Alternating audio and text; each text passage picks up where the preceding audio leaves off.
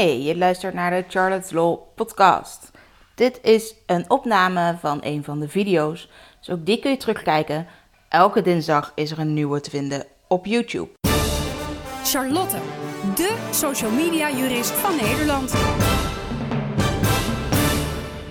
Vandaag ga ik je helpen met dat advies over wat je zou moeten doen als je een factuur krijgt van een fotograaf of van een bedrijf dat namens een fotograaf aan jou een factuur stuurt, omdat je inbreuk gemaakt zou hebben op auteursrecht. Dan kan het natuurlijk zijn dat je uh, in je YouTube-filmpjes of uh, in een Instagram-post of gewoon op je blog een keer een afbeelding hebt gebruikt waar je geen toestemming voor had en die je ook niet om een andere reden wel had mogen gebruiken. Misschien omdat het al een aantal jaar geleden is gebeurd en je toen gewoon veel minder kennis had van het auteursrecht dan nu. Waarom dat is gebeurd maakt eigenlijk niet uit. Of jij een commercieel doel hebt of niet, maakt ook niet uit. Waar het om gaat is of je de auteursrechten van, nou ja, als het gaat om een foto, van de fotograaf zou hebben geschonden.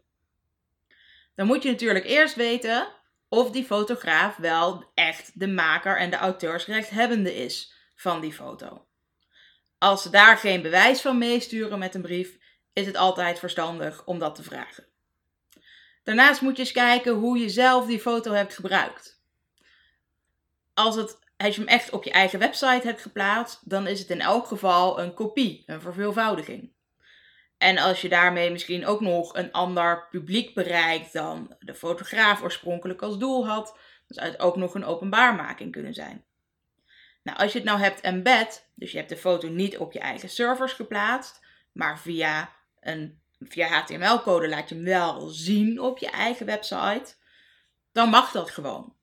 Dus dan is het geen inbreuk op auteursrecht. Het is namelijk geen verveelvoudiging en het is ook geen openbaarmaking.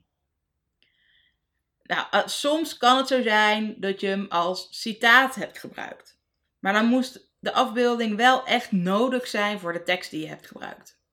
Op Instagram is dat bijvoorbeeld meestal niet het geval als het gaat om nieuws, ja, dan mogen nieuwsmedia wel wat van elkaar overnemen. Maar dat geldt zelfs alleen maar voor tekst en niet voor afbeeldingen. Dus ook daar geldt weer, het moet echt nodig zijn. Had je het verhaal niet ook zonder die afbeelding kunnen vertellen? Meestal wel. Bovendien moet je aan veel meer criteria nog voldoen. Nou, laten we er even van uitgaan dat je toch wel inbreuk hebt gemaakt op auteursrecht. Zoals ik al zei, moet je altijd wel eerst even checken of vragen of die fotograaf ook echt de auteursrechthebbende is. Soms sturen ze daar al bewijs van mee, dan hoef je daar natuurlijk niet naar te vragen. Maar als het alleen maar zeggen en jij kunt die foto verder nergens terugvinden, ja, misschien was dit dan wel helemaal niet de maker van de foto. Daarnaast vragen ze natuurlijk altijd om schadevergoeding. Nou, als er in die brief gewoon is uitgelegd uh, hoe die schadevergoeding is opgebouwd, dan kun je daar misschien wat mee. Dan weet je, oh, dit is dan voor de licentie, dit is de juridische kosten. Controleer wel altijd of die bedragen kloppen. Kun je misschien op de website van de fotograaf terugvinden wat normale licentievergoedingen zijn. Ze moeten namelijk wel uitleggen wat de werkelijke schade is. En die schade is in elk geval uh, het bedrag, de licentievergoeding, die de fotograaf normaal gesproken gevraagd zou hebben als jij vooraf toestemming zou hebben gevraagd. Soms komt daar nog een bedrag bovenop als je de naam van de fotograaf niet hebt genoemd. Redelijke juridische kosten, die mogen ook wel gevorderd worden.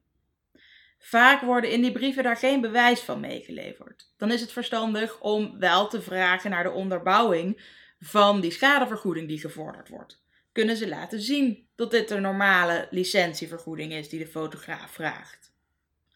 Als ze dat niet kunnen laten zien en jij kunt ook geen bedragen vinden op de site van de fotograaf, dan zou je altijd nog kunnen kijken naar de tarievenlijst van Stichting Foto Anoniem.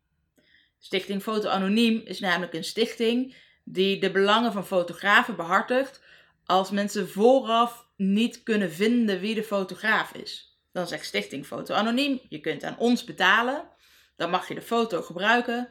Komt de fotograaf dan alsnog, dan kun je ze doorsturen naar ons en dan betalen wij aan de fotograaf. Dat betekent dat Foto Anoniem zo goed mogelijk zijn best doet om marktconforme tarieven te hanteren. Dus als een tarief daarbij in de buurt ligt, nou, dan weet je dat je daar niet echt meer onderuit komt.